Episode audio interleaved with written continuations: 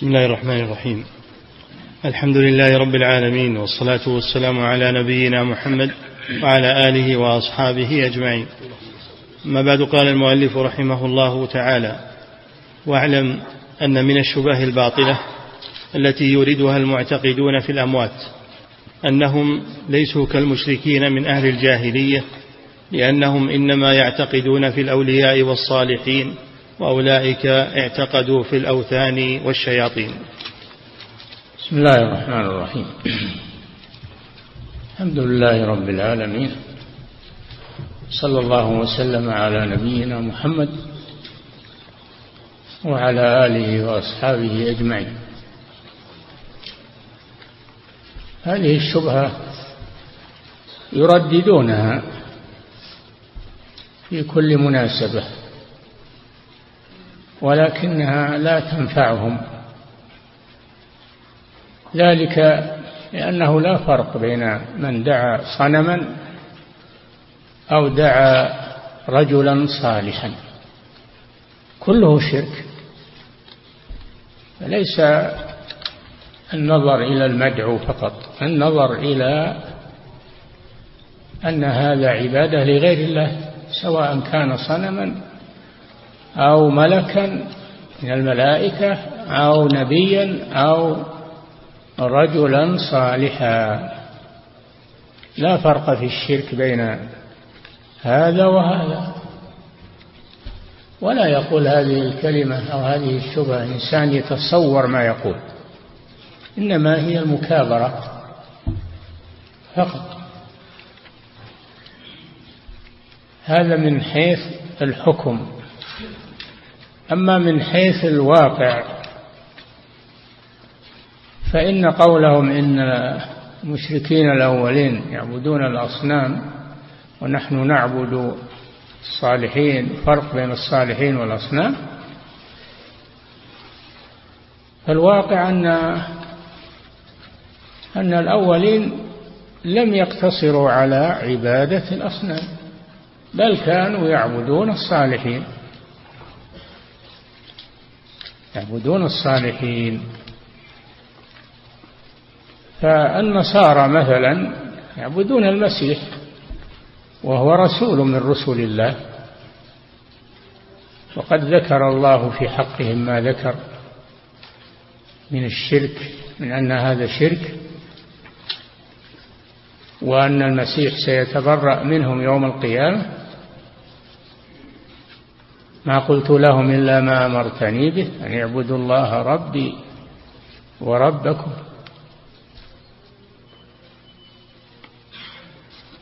فالنصارى لم يقتصروا على عبادة الأصنام بل عبدوا رسولا من الرسل.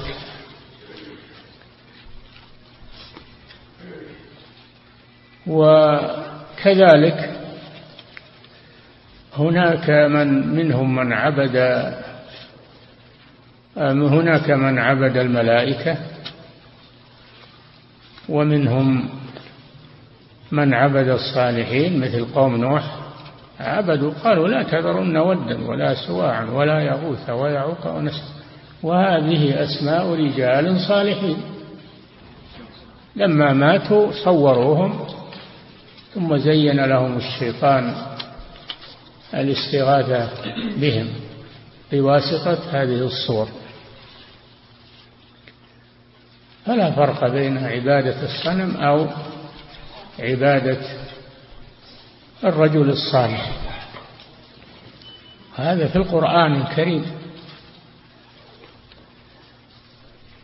كما قال جل وعلا ويعبدون من دون الله ما لا يضرهم ولا ينفعهم ويقولون هؤلاء شفعاؤنا عند الله. الصنم يشفع عند الله. هل أحد يشفع عند الله إلا بإذنه هل الشافع يعبد من دون الله يذبح له وينذر له تقرب إليه؟ فهذا أمر واضح هذه حجة داحضة ومع هذا يكررونها. ويرددونها. وهذه هي الشبهة التي أو هذه أوائل الشبهة التي أجاب عنها شيخ الإسلام محمد بن عبد الوهاب في كتاب كشف الشبهات. فلا تنفعهم إذا رددوها. نعم. واعلم أن من الشبه الباطلة التي يوردها المعتقدون في الأموات أنهم ليسوا كالمشركين من أهل الجاهلية لأنهم إنما يعتقدون في الأولياء والصالحين وأولئك اعتقدوا في الأوثان والشياطين. وهذه الشبهة داحضة تنادي على صاحبها بالجهل. فإن الله سبحانه لم يعذر من اعتقد في عيسى عليه السلام وهو نبي من الأنبياء.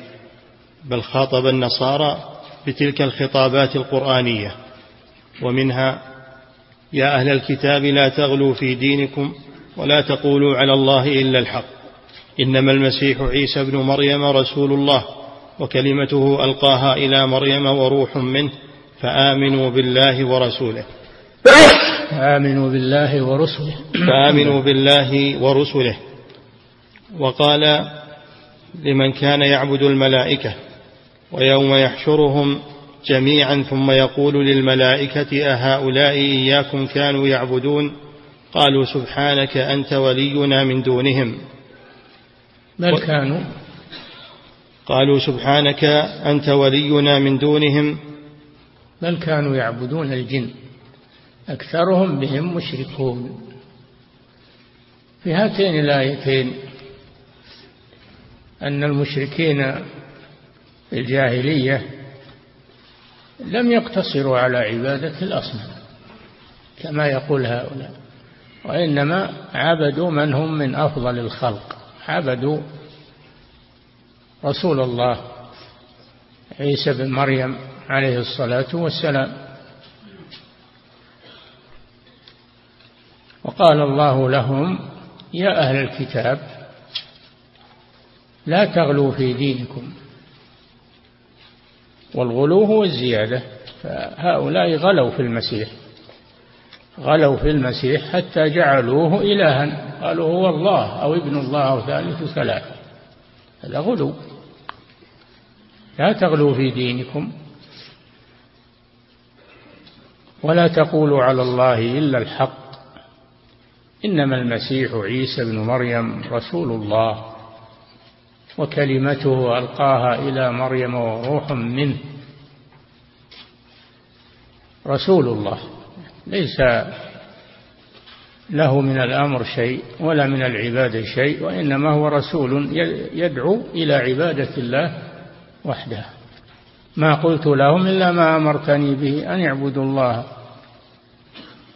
ربي وربكم. هذا الذي يجيب به المسيح يوم القيامة. إذا سأله الله عز وجل أمامهم. قال الله يا عيسى ابن مريم أنت قلت للناس اتخذوني وأمي إلهين من دون الله؟ قال سبحانك. ما ما قال سبحانك. نزه الله سبحانه وتعالى عن ذلك لأنه شرك. نزه ربه عن هذا أن يكون المسيح شريكا له. ما يكون لي أن أقول ما ليس لي بحق؟ العبادة حق لله ما يكون لي؟ مستحيل أن أقول ما ليس لي بحق. إن كنت قلته فقد علمته.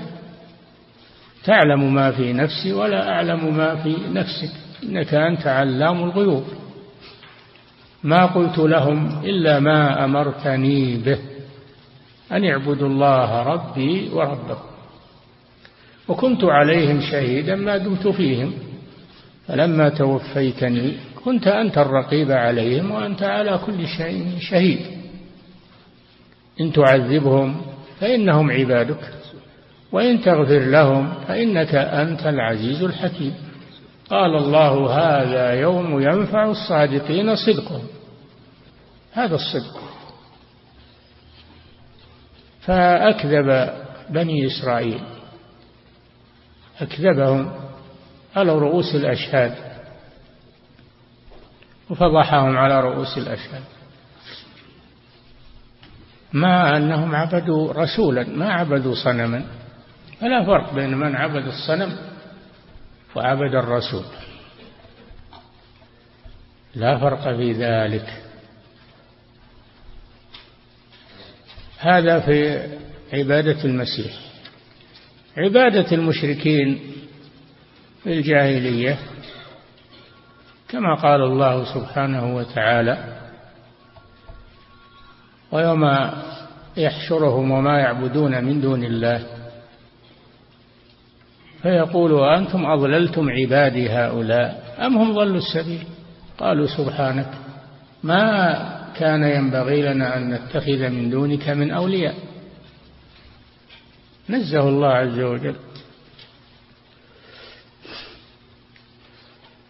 ويوم ويوم يحشرهم جميعا ثم يقول للملائكة. هذه في المشركين من قريش وغيرهم. ثم يقول للملائكة هؤلاء إياكم كانوا يعبدون؟ قالوا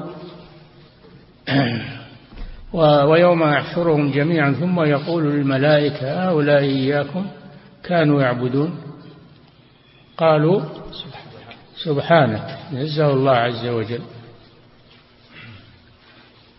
سبحانك نزه الله. أن يشركوا بال... أن يكون الملائكة شركاء له كما يزعمون. نزه, نزه الله أن يكون الملائكة شركاء لله كما يزعم المشركون.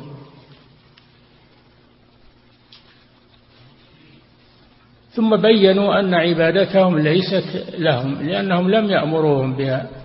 وإنما عبادتهم للشيطان الجن يعني الشياطين لأنهم هم الذين أمروهم بهذا وزينوه لهم. زينوه لهم. فأبطل الله حجتهم ودحضها. في موقف هم أحوج ما يكونون إلى النجاة. نعم. ولا شك أن عيسى والملائكة أفضل من هؤلاء الأولياء والصالحين الذين صار هؤلاء القبوريون يعتقدونهم ويغلون في شأنهم.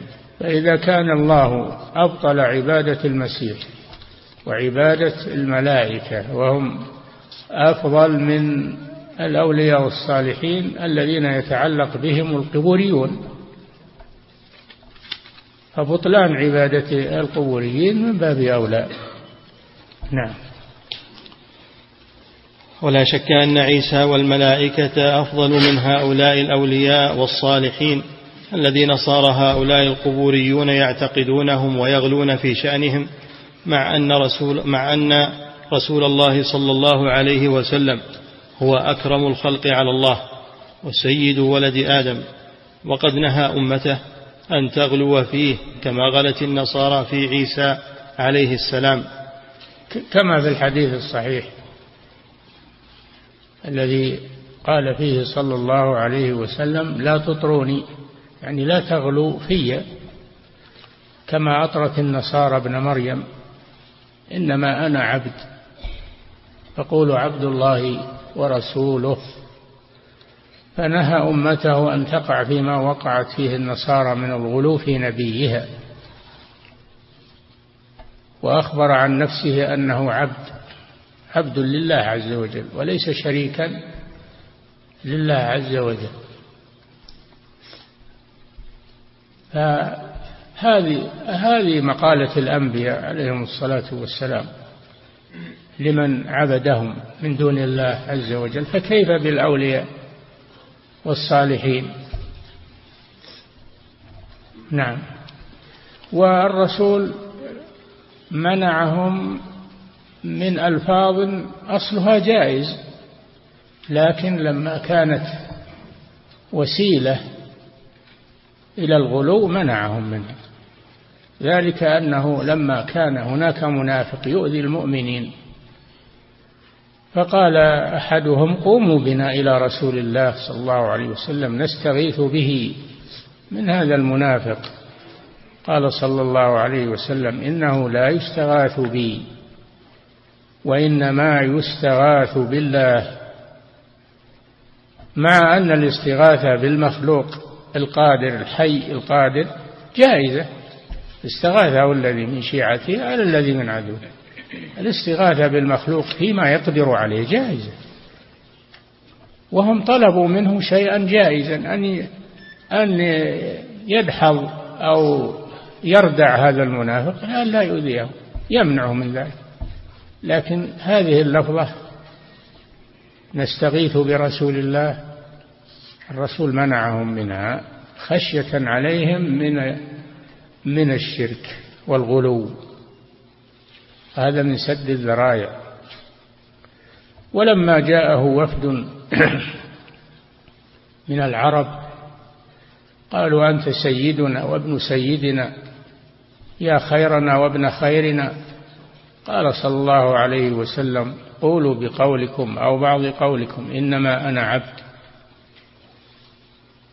إنما أنا عبد الله ورسوله. فنهاهم أن يقولوا أنت سيدنا مع أنه سيد.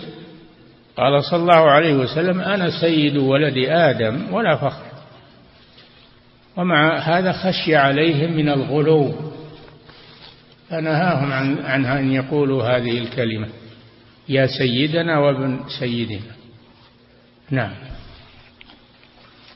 وقد نهى صلى الله عليه وسلم أمته أن تغلو فيه كما غلت النصارى في عيسى عليه السلام ولم يمتثلوا أمره.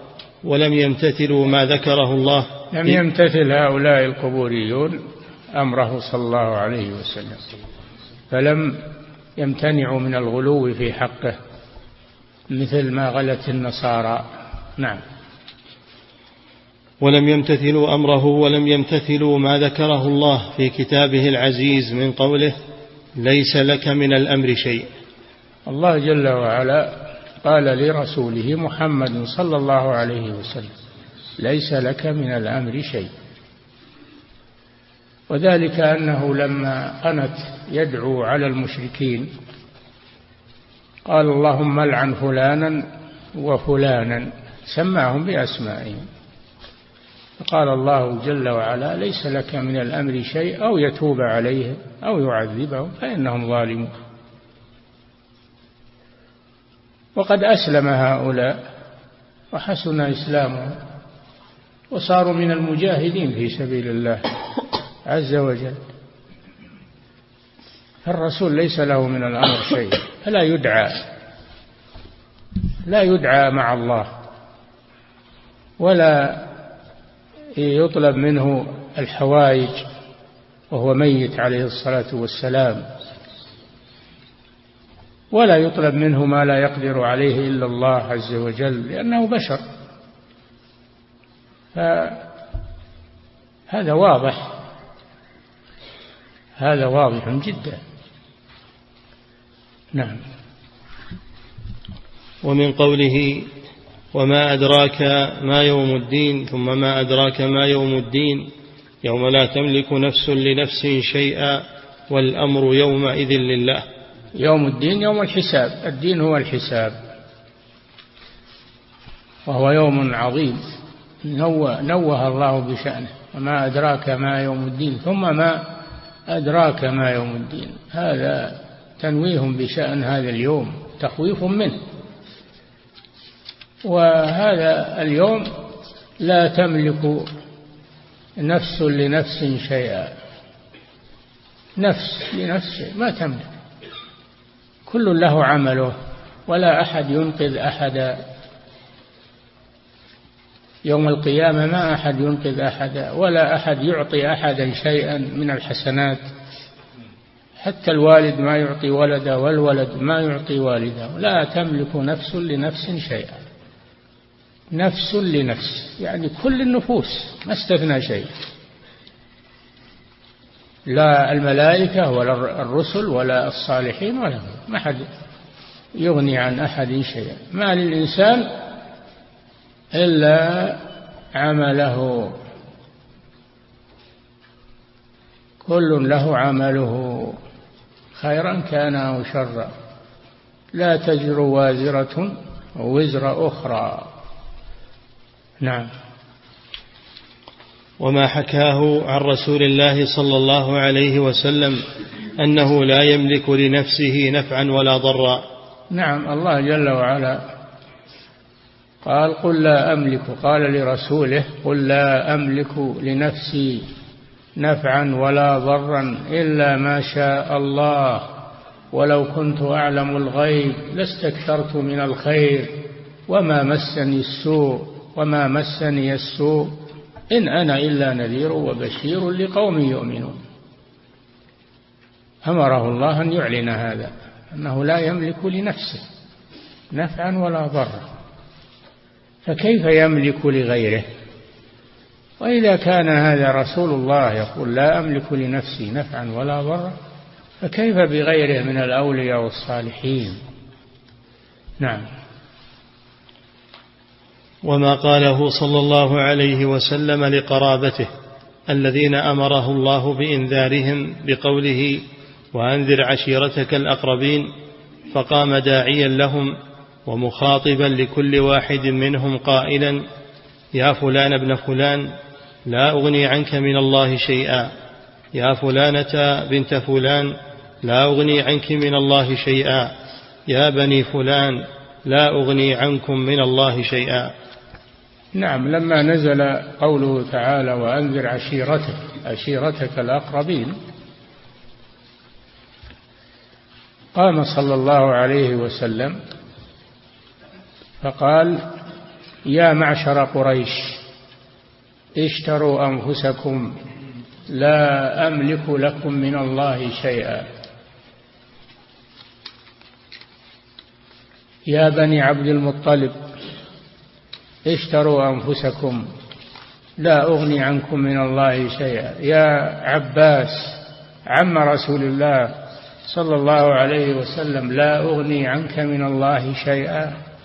يا صفية يا صفية عمة رسول الله صلى الله عليه وسلم لا أغني عنك من الله شيئا. صفية بنت بنت عبد المطلب عمة الرسول صلى الله عليه وسلم أم الزبير بن العوام.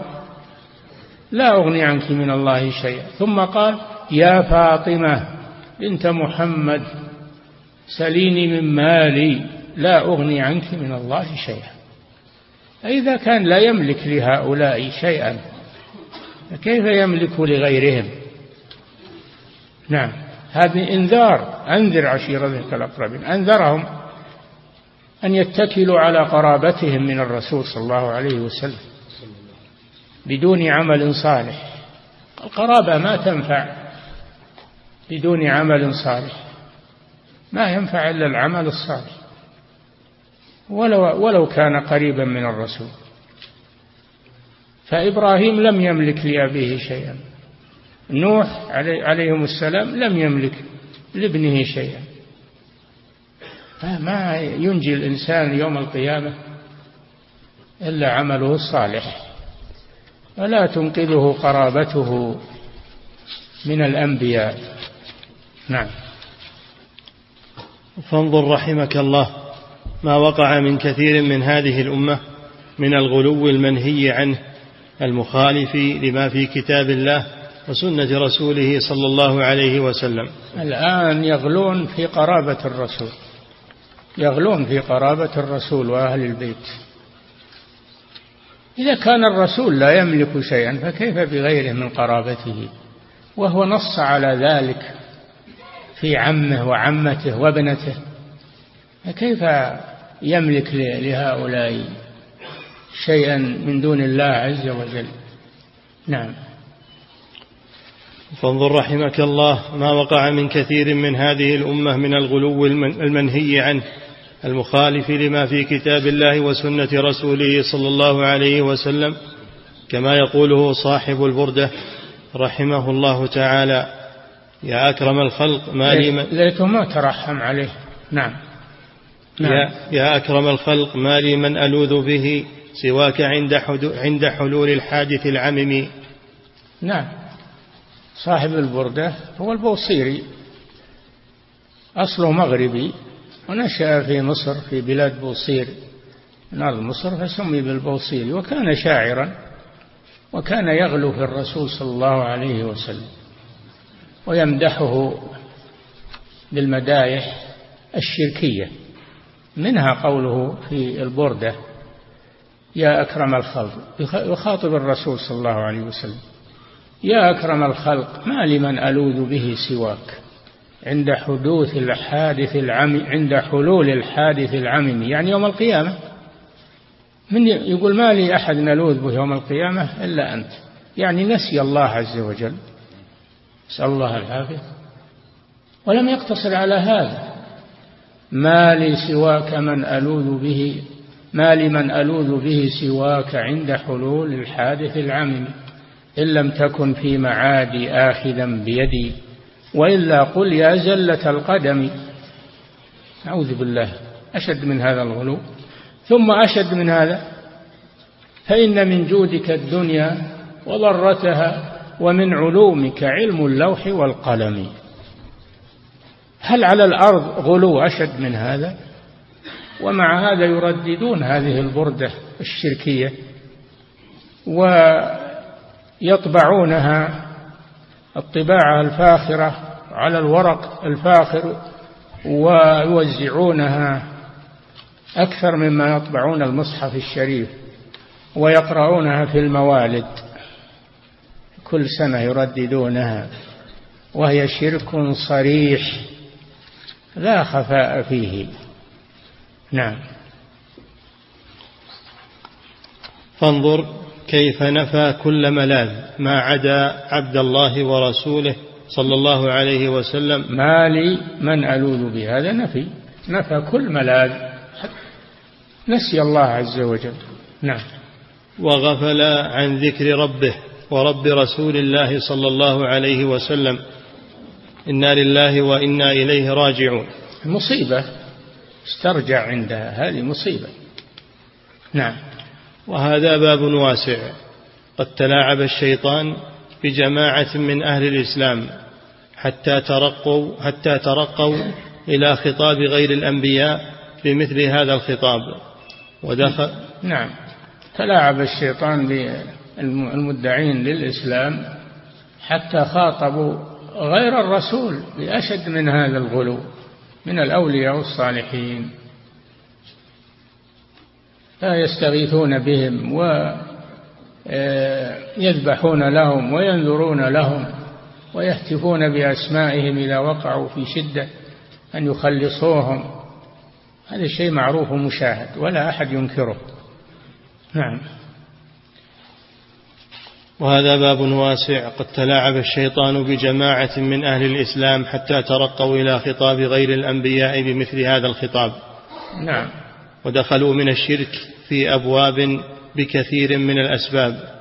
نعم. ومن ذلك قول من يخاطب قول من قول من يقول مخاطبا لابن العجيل هات هات لي منك يا ابن موسى إغاثة عاجلا في سيرها حثاثة. نعم حثاثة. نعم استغيث ب يستغيث بابن موسى بن العجيل أو العجيل يستغيث به ولا يستغيث بالله عز وجل. وهذا ميت العجيل أو ابن العجيل ميت يستغيث بالميت. ويستحث على العجلة في إغاثته. وينسى الله سبحانه وتعالى. نعم. فهذا محض الاستغاثة التي لا تصلح لغير الله. نعم الاستغاثة بالمخلوق فيما لا يقدر عليه لا تجوز شرك بالله عز وجل لأنه نوع من, ألو... من أنواع العبادة. لا يستغاث إلا بالله عز وجل. نعم. فهذا محض الاستغاثة التي لا تصلح لغير الله لميت من الأموات قد صار تحت أطباق الثرى منذ مئين من السنين. اللي هو هذا الذي يناديه ويستغيث به. بينه وبين مئات السنين ميت رميم. ويستغيث به. نعم. ويغلب على الظن أن مثل هذا البيت والبيت الذي قبله إنما وقع من قائليهما لغفلة وعدم تيقظ ولا مقصد لهما إلا تعظيم جانب النبوة والولاية. آه ما هو بصحيح هذا. ما هو عن غفلة ولا عن جهل وإنما عن قصد. وتعظيم النبوة ما يكون بالغلو تعظيم النبوة في حدود. ما يكون بالغلو إلى هالحد نعم. ولو نبه لتنبه ورجع وأقر بالخطأ وكثيرا ما يعرض ذلك لأهل العلم والأدب والفطنة. وقد سمعنا ورأينا. هذا يقع من غير البوصير ومن غير ابن عجيل يقع من الغلو. في في الأولياء والصالحين. ويعتبرونه من الدين والذي ما يقول هذا يتنقص الصالحين. يقول أنتم تنقصون الصالحين. إذا لم نعبدهم نقول تنقصونهم. نعم فعبادة الصالحين تعتبر تقديرا لهم كما يقولون. نعم. فمن وقف على شيء من هذا الجنس لحي من الأحياء فعليه إيقاظه بالحجج الشرعية. نعم نعم وما حصل هذا في الناس إلا لما سكت كثير من العلماء لما سكت كثير من العلماء عن تعليم العقيدة شرح العقيدة للناس والدعوة إليها والنهي عن الشرك لما سكتوا حدث هذا في الناس. فهذا من تقصير أهل العلم وسكوت أهل العلم. تجد في المجتمع علماء لكنهم ساكتون لا يحركون ساكنا يأكلون ويشربون ولا يحركون ساكنا مما يقع حولهم وبجوارهم من الشرك الصريح. وبذلك صار مألوفا عند الناس. وربما يحتجون بهؤلاء العلماء يقولون لو كان هذا شركا ما تركونا ولا سكتوا عنه فسكوت العلماء هو المصيبة. نعم. فمن وقف على شيء من هذا الجنس بحي من الأحياء فعليه إيقاظه بالحجج الشرعية فإن رجع وإلا كان الأمر فيه كما أسلفناه. نعم. لازم يبين للناس هذا الشرك يحذرون منه ويدعون إلى التوحيد ولا يغفل عنه. لكن الآن حدث في وقتنا من يثبطون عن التوحيد.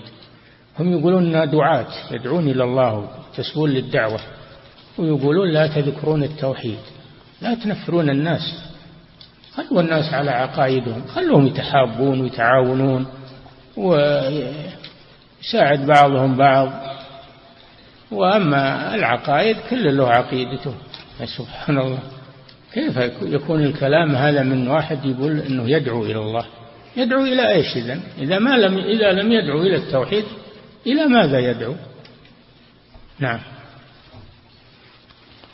وأما إذا كان القائل قد صار تحت اطباق حتى إنهم يطالبون بازاله هذا من كتب المقررات في المدارس. طالبون بإزالة العقيدة من المدارس. ويعطون كلام مدح للإسلام ترغيب في الإسلام وثناء على المسلمين. وأما التوحيد هذا يشتت الناس ويفرق الناس بزعمهم.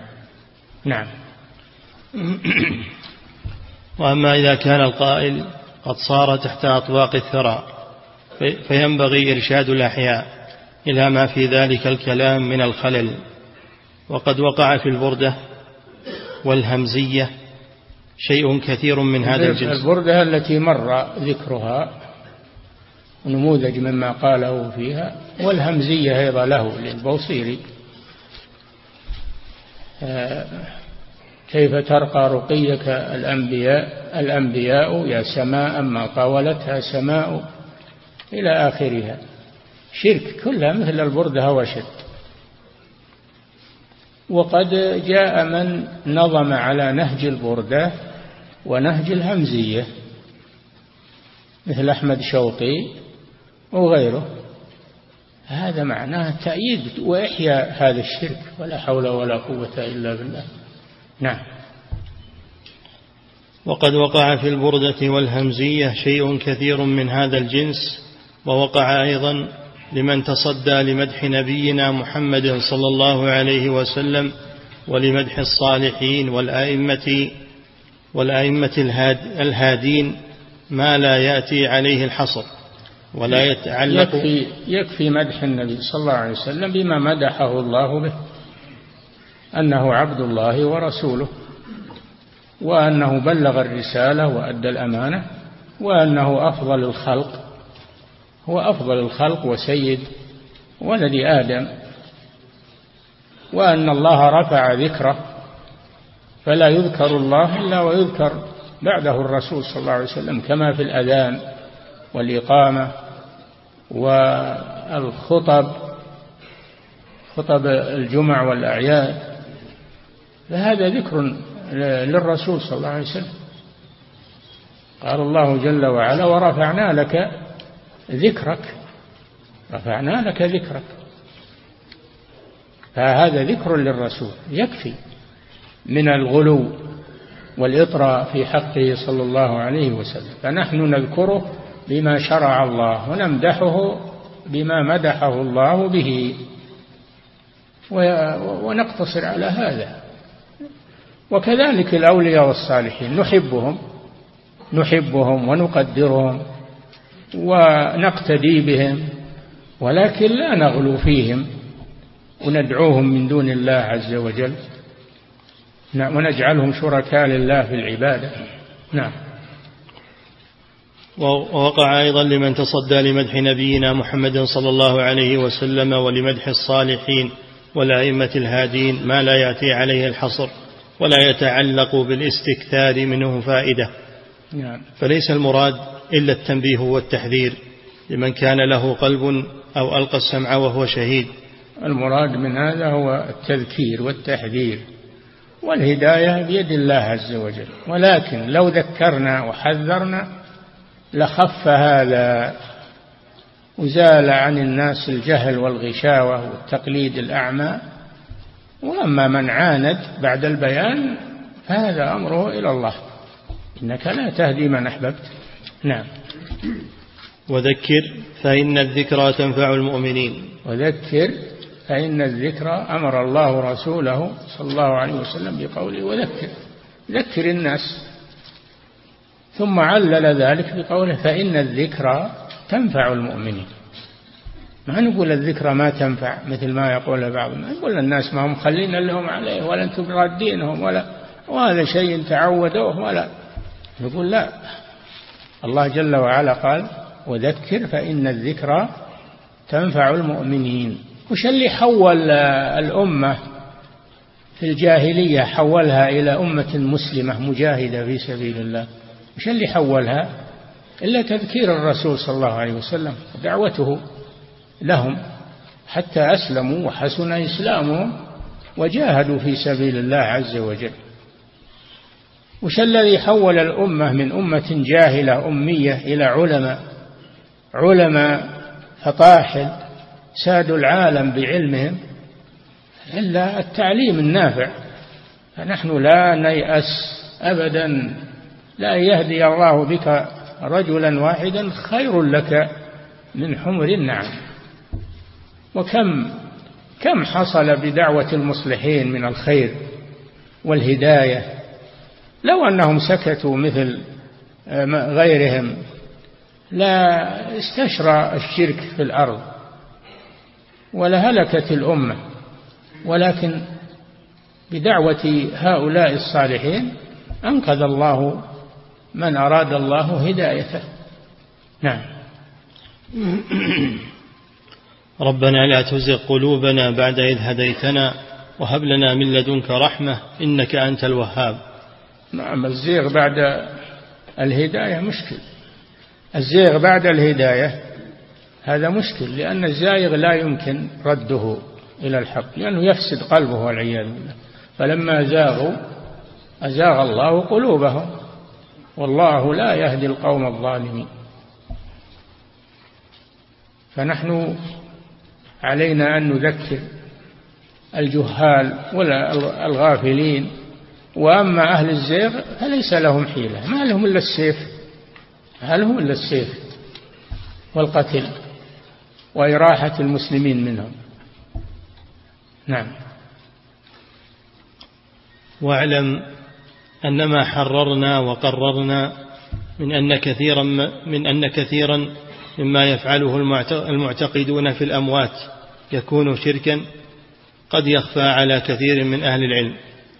وذلك نعم، يخفى على كثير من أهل العلم فكيف بالعوام؟ الرسول صلى الله عليه وسلم قال لمعاذ إنك تأتي قوما من أهل الكتاب فليكن أول ما تدعوهم إليه شهادة لا إله إلا الله وأن محمد رسول الله. وهم أهل الكتاب علماء. أمره أن يدعوهم يدعو علماء نعم يدعو علماء. فكيف بالجهال؟ الذين ليس عندهم علم. نعم. واعلم أن ما حررنا وقررنا من أن كثيرا مما يفعله المعتقدون في الأموات يكون شركا قد يخفى على كثير من أهل العلم وذلك لا لكونه خفيا في نفسه بل لإطباق الجمهور على هذا الأمر. نعم لأنه إذا ترك الشر إذا ترك الشر ولم ينكر ولم يعلم الجهال صار هو الدين. صار الدين ما عليه الناس. ومن يتكلم ينكر عليه. يقال أنت خارجي أنت كذا وكذا ويصفون بالأوصاف المنفرة. لكن هذا ما يضر. اللي يخلص النية ويدعو إلى الله على بصيرة ما يضر كلام الناس. يمضي في طريقه ويحتسب الأجر ويصبر على ما يناله من الناس. فهؤلاء العلماء ما قاموا بما, بما أوجب الله عليهم. ولذلك فشل الجهل في, في الناس وفي الأمة بسبب سكوت هؤلاء. على أن من العلماء من يجهل العقيدة الصحيحة. نعم يتعلم الفقه والنحو ويتعلم الأصول ويتبحر في المعلومات ولكن التوحيد ما يهتم به. ولا يعرف نواقض الإسلام ولا يعرف أنواع الشرك لأنه ما اهتم به.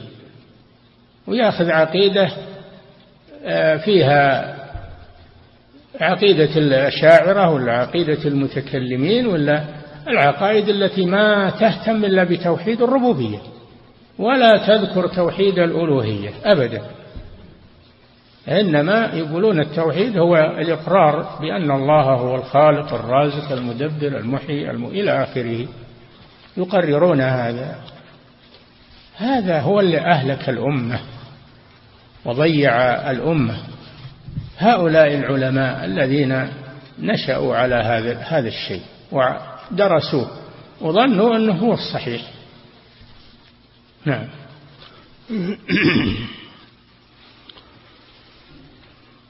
نعم. واعلم أن ما حررنا وقررنا من أن كثيرا مما يفعله المعتقدون في الأموات يكون شركا قد يخفى على كثير من أهل, من أهل العلم وذلك لا لكونه خفيا في نفسه بل لإطباق الجمهور على هذا الأمر وكونه قد شاب عليه الكبير وشب عليه الصغير وهو يرى ذلك ويسمعه ولا نعم, نعم في الحديث أنه يعود المنكر معروفا والمعروف منكرا. والبدعة سنة والسنة بدعة. حتى إذا أنكرت البدعة أو غيرت البدعة قيل غيرت السنة. يقولون غيرت السنة لأنهم نشأوا على هذا وصار هو السنة. نشأوا على هذا الشرك وقالوا هذا هو التوحيد. لأنهم تربوا عليه ونشأوا عليه توارثوه ولا أحد ينكر ولا يدعو إلى الله. والبيئة تؤثر على الإنسان الذي يعيش فيها. نعم. وكونه قد شاب عليه الكبير وشب عليه الصغير وهو يرى ذلك ويسمعه ولا ولا يرى ولا يسمع من ينكره بل ربما يسمع من يرغب فيه. نعم. فيه من العلماء دعاة الضلال من يرغب في الشرك وعبادة الصالحين ويدعو إلى ذلك ويؤلفون في هذا مؤلفات موجودة. يبررون الشرك وعبادة الأولياء والصالحين. موجود هذا نعم. ولا يرى ولا يسمع من ينكره بل ربما يسمع من يرغب فيه ويندب الناس إليه. نعم. وينضم إلى ذلك. ما يظهره الشيطان للناس من قضاء حوائج من قصد يكفي نقف عند هذا. بعض الأخوان يجيبون إشكالات من كتب أخرى ويسألون عنها. نحن لا نجيب على هذه الأسئلة. حنا مهمتنا هالكتاب هذا. نشرح ما بأيدينا. وأما الكتب الأخرى فهذه لها وقت آخر. نعم.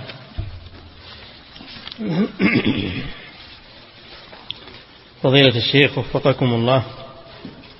يقول هل صحيح أن الإمام الشوكاني رحمه الله تراجع في ثنائه على الشيخ محمد بن عبد الوهاب كتب أبياتا ما هو الشوكاني؟ هذا الصنعاني. سيأتي هذا بعد شوي تشوفونه هو الشوكاني رد على الصنعاني. في هذا الكتاب وسيأتيكم إن شاء الله. هذا دليل على أنكم ما تقرؤون. نعم. فضيلة الشيخ وفقكم الله يقول ما حكم إحاطة القبر؟ بالبلوك من الخارج. هل هذا من التجصيص المنهي عنه؟ إذا كان القبر يحتاج إلى هذا حماية له من الوطء والامتهان هو قبر واحد أو اثنين قبور منفردات يخشى عليهم من الامتهان فيحوط عليهم لا بأس. نعم. بالبلك ولا غيره؟ نعم. فضيلة الشيخ وفقكم الله.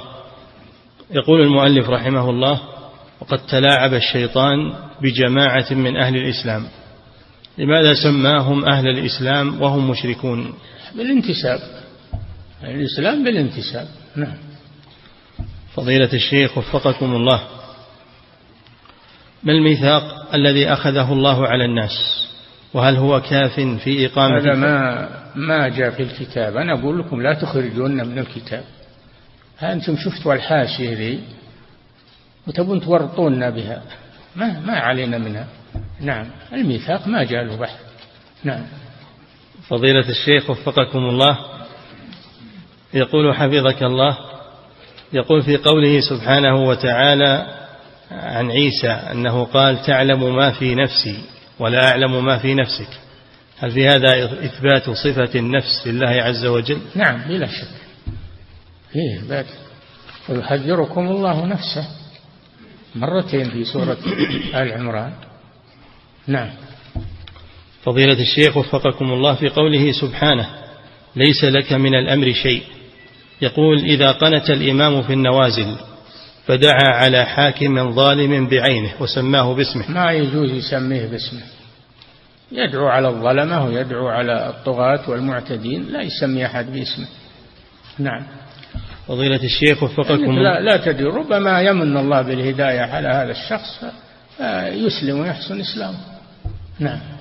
فضيلة الشيخ وفقكم الله ذكر الله سبحانه وتعالى عن عيسى عليه السلام أنه قال فلما توفيتني وذكر الله سبحانه في آية أخرى أنه قال بل رفعه الله إليه إني متوفيك يا أخي قطعت الآية. قال الله إني متوفيك ورافعك إلي. والمراد بالوفاة هذه قيل هي وفاة النوم لأن النوم وفاة. وقيل متوفيك يعني قابضك وأنت حي. قابضك بالملائكة وأنت حي ورافعك إليه نعم قبض يعني. نعم. فضيلة الشيخ وفقكم الله يقول هل عيسى عليه الصلاة والسلام ورد أنه نبئ قبل سن الأربعين. الله أعلم. نعم. وهل ثبت أنه في آخر الزمان إذا نزل أنه يتزوج ويولد له؟ إذا حضرنا وشفنا علمناكم. نعم. فضيلة الشيخ وفقكم الله يقول ما قولكم في قول القائل؟ في واحد سأل أحد تابعين قال له إبليس له ذرية وله زوجة. قال ذاك عرس ما حضرناه. نعم. فضيلة الشيخ وفقكم الله. الأسئلة التافهة الأسئلة التافهة. ليش تسألونها نعم. فضيلة الشيخ وفقكم الله يقول ما قولكم في قول القائل يا سيدي اشفع لنا. يقول ما قولكم في قول القائل يا سيدي اشفع لنا. قاصدا بذلك رسول الله صلى الله عليه وسلم. الرسول الآن ما يطلب منه الشفاعة يطلب منه يوم القيامة هو حي. الشفاعة تطلب من الحي. بمعنى أنه يدعو الله. يجوز طلب الدعاء من الحي. أما الميت ما يطلب منه شفاعة ولا دعاء ولا شيء. نعم. فضيلة الشيخ وفقكم الله. يقول إذا كنت لكن بالإمكان أنك تقول اللهم شفعه في. اللهم شفع في رسولك وعبادك الصالحين. لأن الشفاعة ملك لله عز وجل. نعم. فضيلة الشيخ وفقكم الله. يقول إذا كنت أعمل عند شخص وقلت له يا سيدي فهل هذا جائز؟ إحسانه سيدك ما يخالف أنت عبد له. إنسانه إنسانك إنسانه يملك. تقول له يا سيد. نعم. فضيلة الشيخ وفقكم الله. يقول يقول في بلادنا التيجانيون يترحمون على البوصيري ويقدسونه. ما هو بس في بلادكم. هذا كل مكان. يقولون البردة ذي عندهم إنه والعياذ بالله عند بعضهم انها أنفس من القرآن. لذلك لا يهتمون بالقرآن يهتمون بها ويحفظونها ويرددونها نعم هذا ضلال والعياذ بالله. هذه فتنة فتنة لا سيما وأن البردة حسنة الصياغة يعني لها ألفاظ مختارة وسائغة ونظم جيد. فهذا من الفتنة والعياذ بالله. نعم. فضيلة الشيخ وفقكم الله يقول ما حكم من امتدح قصيدة شركية؟ امتدح من ناحية المعنى ولا من ناحية اللفظ والنظم؟ إن كان من ناحية اللفظ والنظم فالأمر سهل. أما إن امدحها من ناحية معناها هذا والعياذ بالله لا يجوز. هذا شرك. امدح الشرك. نعم. فضيلة الشيخ وفقكم الله يقول إذا نبه المشركون عن الاستغاثة بالميت ردوا بأنه لا فرق بين الاستغاثة بالميت أو بالحي. وقالوا إنما هو السبب من الأسباب. قل لهم هو هناك فرق بين الحي والميت ولا لا؟ بيقولون ما في فرق بين الحي والميت؟ ما يمكن يقولون هذا.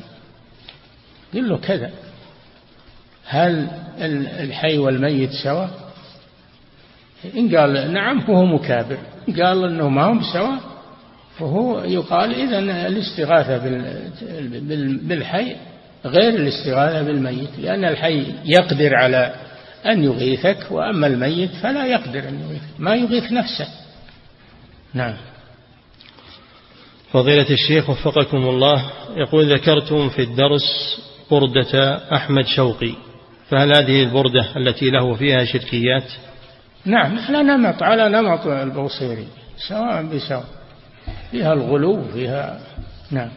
فضيلة الشيخ وفقكم الله في قول أحمد شوقي قم للمعلم وفه التبجيل. أو أحمد شوقي؟ هذا حافظ إبراهيم.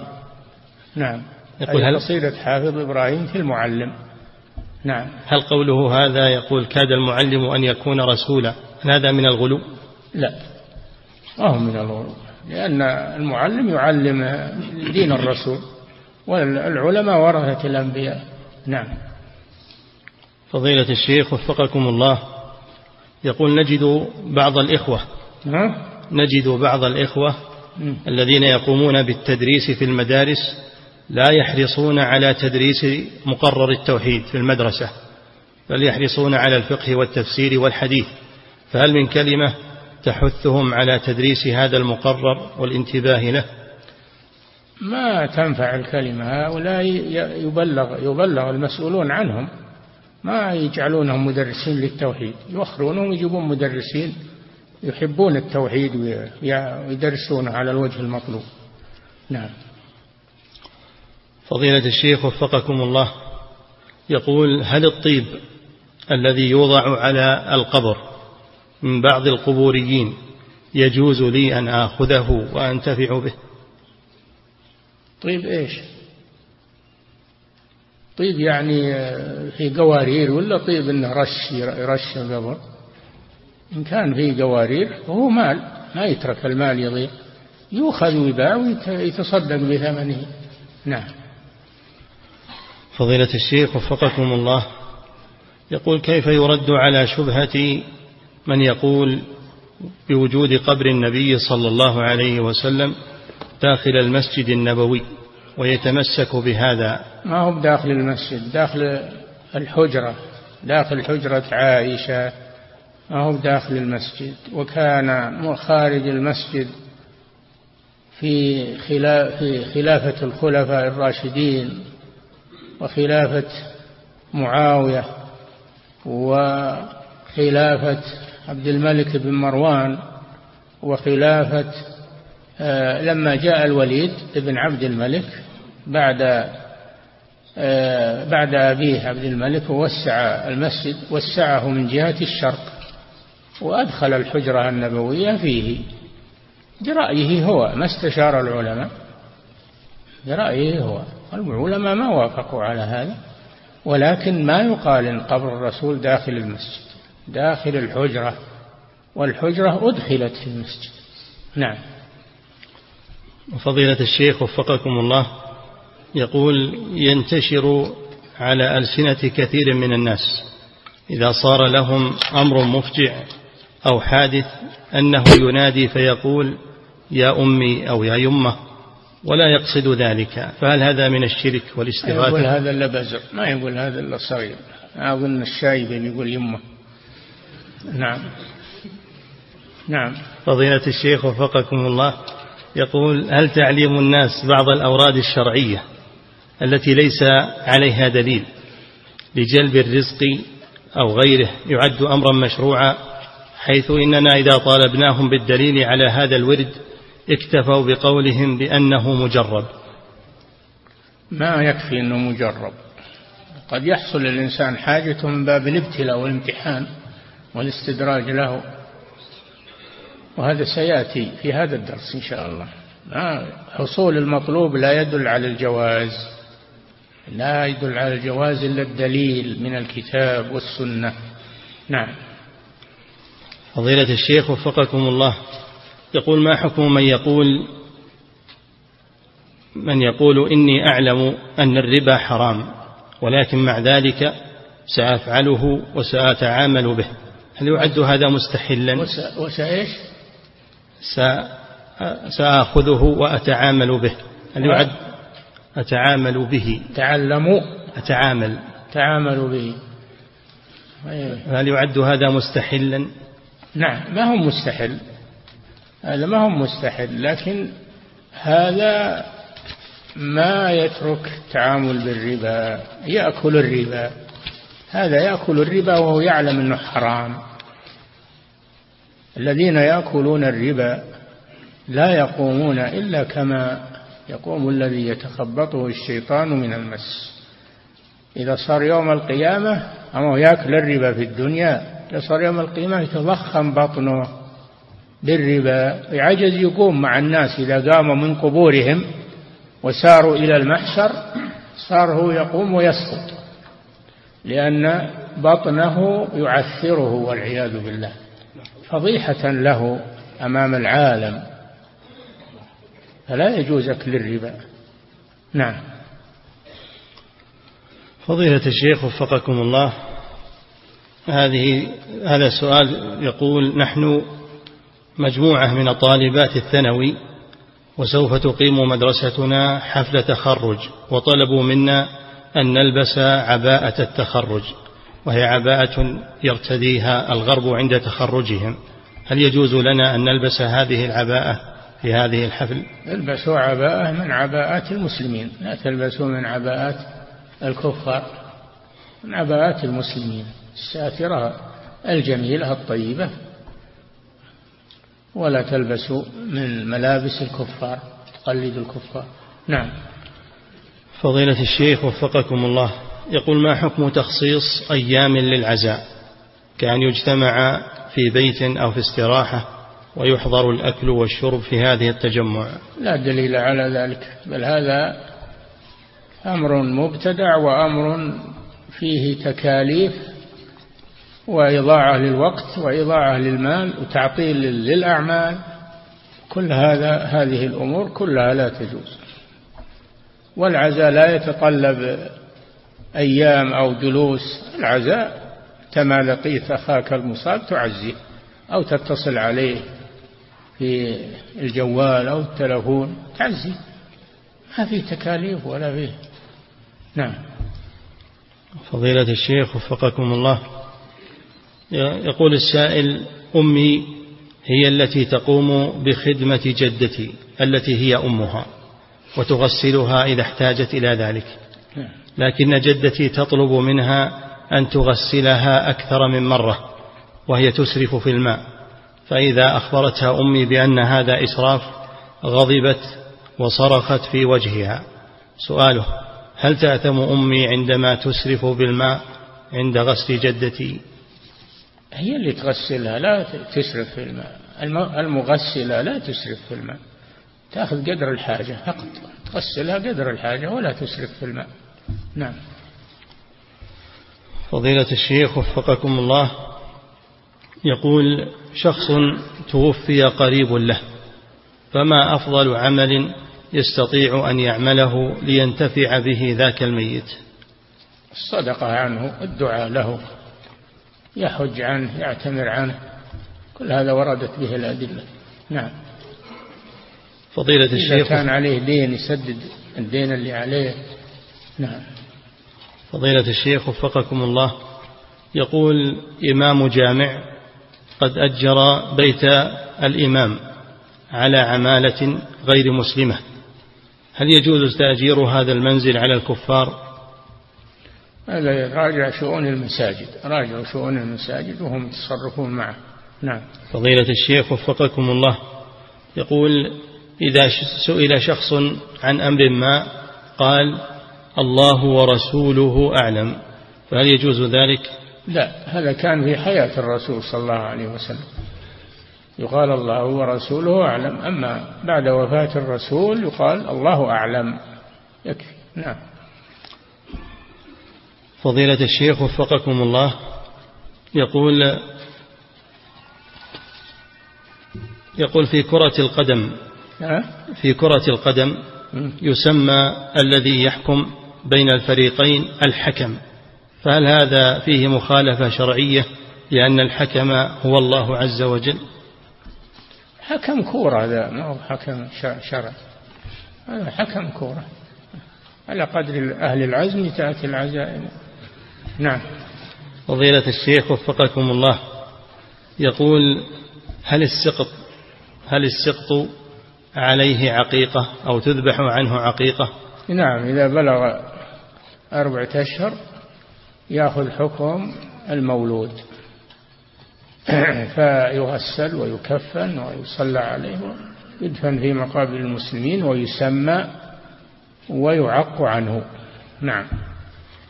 فضيلة الشيخ وفقكم الله يقول ما حكم هذا القول وهو قول القائل ألهمتني الأحداث أو ألهمني الموقف؟ يعني سوء تعبير. أقول سوء لو قال استفدت من الأحداث استفدت من الواقع بدل الهم الإلهام هذا من الله سبحانه وتعالى. نعم. فضيلة الشيخ وفقكم الله. يقول إذا أراد بعض الناس أن يأكل رمى بأول لقمة ويقول هذه خوفا من العين أو من عين أعوذ بالله هذا اعتقاد سيء ولا يجوز رمي الطعام. بل إن الرسول صلى الله عليه وسلم قال إذا سقطت لقمة أحدكم فليأخذها وليمق ما عليها من الأذى وليأكلها ولا يدعها للشيطان. نعم. فضيلة الشيخ وفقكم الله يقول السائل إذا نبهنا المشركين في بلادنا على أن الاستغاثة بالأضرحة شرك ردوا علينا وقالوا إن عمر كان يستغيث بالعباس. العباس حي ما هو ميت. وعمر طلب من العباس الدعاء. يجوز طلب الدعاء من الحي. نعم. ولا ولا استغاث. لفظ استغاث هذا لا. اللي ورد إنه يستسقي. يستسقي بالعباس. يعني يطلب منه أن يدعو الله بالسقيا لهم. نعم. فضيلة الشيخ وفقكم الله. يقول السائل إنني كثيرا ما أخاف من الرياء وأشك في عملي فما نصيحتكم لي في ذلك؟ هذا من الشيطان هذا وسواس من الشيطان. اعمل العمل وأخلص النية لله عز وجل ولا تلتفت لوساوس الشيطان. نعم. فضيلة الشيخ وفقكم الله امرأة أصيبت بمرض وماتت وهي لم تصم رمضان ولم تقضه. فهل يقضى عنها؟ إذا كان تركت الصيام من أجل المرض وماتت فيه ليس عليها شيء. نعم. يقول فضيلة الشيخ وفقكم الله هل ورد أن النظر للكعبة أنه عند النظر إلى الكعبة لأول مرة يستجاب الدعاء؟ لا أعرف شيء من هذا. نعم. فضيلة الشيخ وفقكم الله يقول هل الندم بعد المعصية مباشرة يعد توبة. ما يكفي الندم لازم ترك الذنب لازم ترك الذنب والعزم ألا يعود والندم على الذنب. ثلاثة شروط. نعم. فضيلة الشيخ وفقكم الله يقول أنا أصلي الوتر قبل صلاة الفجر بنصف ساعة؟ أنا أصلي الوتر قبل صلاة الفجر بنصف ساعة. فهل فعلي هذا صحيح؟ لو صليت أول الليل ما يخالف. الوتر من كل الليل يصلح أولها ووسطها وآخره نعم. فضيلة الشيخ وفقكم الله يقول ما حكم عد التسبيح بالساعة العدادة؟ وخاصة الذكر المحدد كسبحان الله وبحمده مئة مرة. لا لا. لا تعد بالعدادة عدوا بأصابعك. نعم. فضيلة الشيخ وفقكم الله يقول هل يجوز بعد الفراغ من أذكار الصلاة المعروفة هل يجوز أن يلتزم ذكر معين كالاستغفار مئة مرة مثلا ويداوم على ذلك؟ عليك يا أخي بالرجوع إلى الأذكار الواردة في صيغتها وفي عددها وتعمل بذلك. نعم. فضيلة الشيخ وفقكم الله. يقول أنا طالب في الجامعة ومتزوج ولدي أولاد ولا يوجد لدي دخل إلا مكافأة الجامعة ويوجد عندي مبلغ مدخر في البنك أصرف منه عند الحاجة. سؤاله إنه يعرض علي من بعض أهل الخير تعرض علي الزكاة فهل يجوز لي أن أخذها؟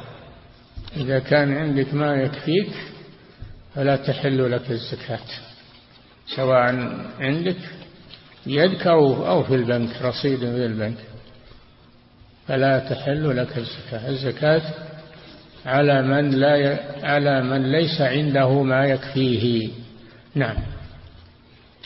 فضيلة الشيخ وفقكم الله يقول ما حكم وضع حملات كحملة نصرة النبي؟ أو ما حكم وضع ما يسمى بالحملات كحملة نصرة النبي أو حملة لذكر الأم وفضلها وغير ذلك؟ ما أعرف هالحملات ولا أعرف مناهجها حملة. للأم هذا بدعة.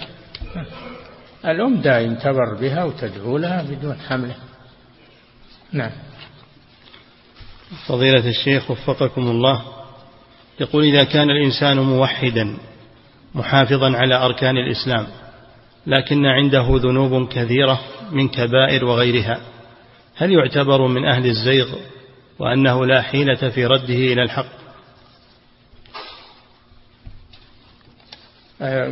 كلكم خطاء وخير الخطائين التوابون فيتوب إلى الله عز وجل من الذنوب والله يتوب على من تاب. ولا يقول أنا من أهل الزيغ أو يوسوس له الشيطان يترك هذا يتوب إلى الله. نعم. فضيلة الشيخ وفقكم الله يقول ماتت جدة ماتت جدة لامرأة وكانت هذه الجدة كافرة.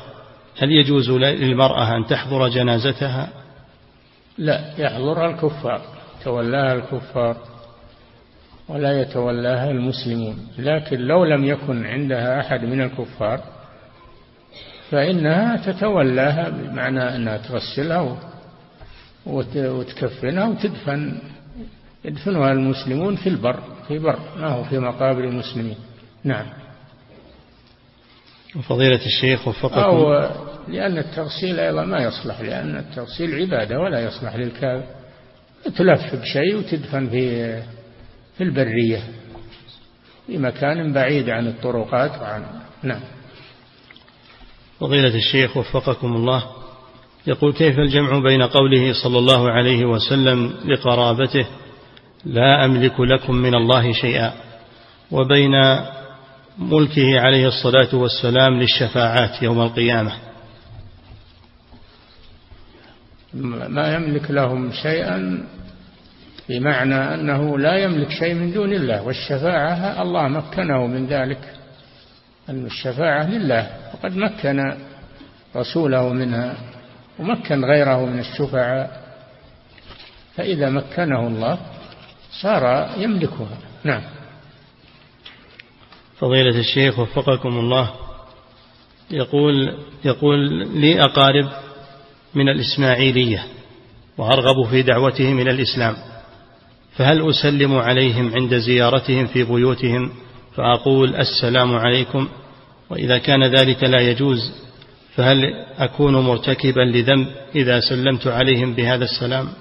السلام هذا سلام الإسلام لا يقال لي لمثل هؤلاء لكن يقال السلام على من اتبع الهدى أو ما. نعم هذا الذي فعله الرسول صلى الله عليه وسلم. نعم. فضيلة الشيخ وفقكم الله يقول إنه ألم بي دين في وقت من الأوقات فاستحييت أن أطلب لنفسي من أهل الإحسان. فسألت أحد أهل العلم هل يجوز لي أن أوري؟ فأقول للمحسن إن هناك شخص بحاجة وعليه دين فأجاب بنعم.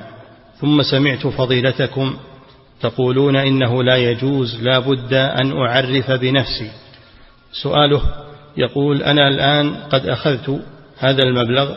أنا ما, ما أذكر أني قلت هذا قلت إذا كان الإنسان موكل بتوزيع زكاة موكل توزيع زكاة فلا يأخذ منها شيء. الوكيل لا يأخذ شيئا لنفسه إلا بإذن الموكل. هذا الذي قلته وأقوله الآن. وأما إذا وريت وقلت في واحد محتاج وأنت تعني نفسك ما في بأس إن شاء الله. إذا كنت محتاجا نعم. هذا ما هو بتوكيل نعم. فضيلة الشيخ وفقكم الله يقول ما حكم قراءة القرآن في ماء زمزم أو في زيت الزيتون؟ هل له أصل؟ ماء مبارك. ماء زمزم ماء مبارك. فإذا اجتمعت الرقية مع ماء زمزم المبارك يرجى الشفاء بإذن الله. وزيت الزيتون أيضا طيب. هو في نفسه طيب. وإذا وردت عليه رقية فإن هذا يزيده بركة بإذن الله عز وجل. نعم. والزيتون قال الله جل وعلا من شجرة مباركة. الزيتون مبارك. شجرة مباركة زيتونة. نعم. فضيلة الشيخ وفقكم الله يقول لم نجد طريقة شرعية لإرسال مال لأهلنا في بلادنا؟ لم نجد طريقة شرعية نعرفها لإرسال مال لأهلنا في, في بلادنا سوى الطريقة المعروفة في البنوك وهي أن يستلم من الموظف هنا ريالات سعودية ويسلمها هناك دينارات. يقول هل يباح هذا لنا من باب الضرورة؟ اشتروا العملة التي تريدونها من هنا من البنك أو من غيره وأعطوها البنك يوديها ويأخذ عليها أجرة أجرة الحمل والإيصال. نعم. فضيلة الشيخ وفقكم الله. يقول بعض الناس يقول في حلفه والله والبيت الذي بناه الله فهل هذا ما يجوز البيت ما ما يحلف بالبيت. والله ما هو اللي بنى البيت بناها إبراهيم عليه السلام ومن جاء بعده نعم. الله أمر ببناء البيت. أمر ببناء البيت. نعم. فضيلة الشيخ وفقكم الله يقول كيف نتعامل مع الكفار حيث إنهم يخالطونني في عملي في كل يوم؟ إذا انتقلت إلى عمل آخر بعيدا عنهم فهو أحسن. وإلا فأدي عملك وأتركهم هم على أعمالهم. كل يؤدي عمله. نعم. فضيلة الشيخ وفقكم الله هذا سؤال سابق في درس سابق صححه صاحبه ويقول وكلت شخصا بشراء أرض فاشتراها لي وهي الآن في ملكي والوكالة ما زالت لدى هذا الشخص. هو الآن يريد شراءها مني. هل يجوز لهذا الوكيل أن يبيع هذه الأرض ويشتريها لنفسه بهذه الوكالة ودون حضوري؟ إيش يقول؟ شراها لك. نعم. ثم أراد الوكيل أن يشتريها لنفسه. إذا أنك قبضتها أنت قبضتها بحدودها ثبتت ملكيتك عليها يجوز أن تبيعها للوكيل الذي اشتراها لك. معنى. نعم. فضيلة الشيخ وفقكم الله. يقول في البادية إذا مات الميت ربما جعلوا على جوانب القبر وأعلاه حجارة مصفحة أو سراميك وربما جعلوا اسمنتا وذلك لمنع بعض الحيوانات في الصحراء من إخراج الميت من قبره وأكله. فما حكم هذا الفعل؟ لا بأس في ذلك حماية للقبر حجارة أو لبنات بلك أو ما في بأس. نعم.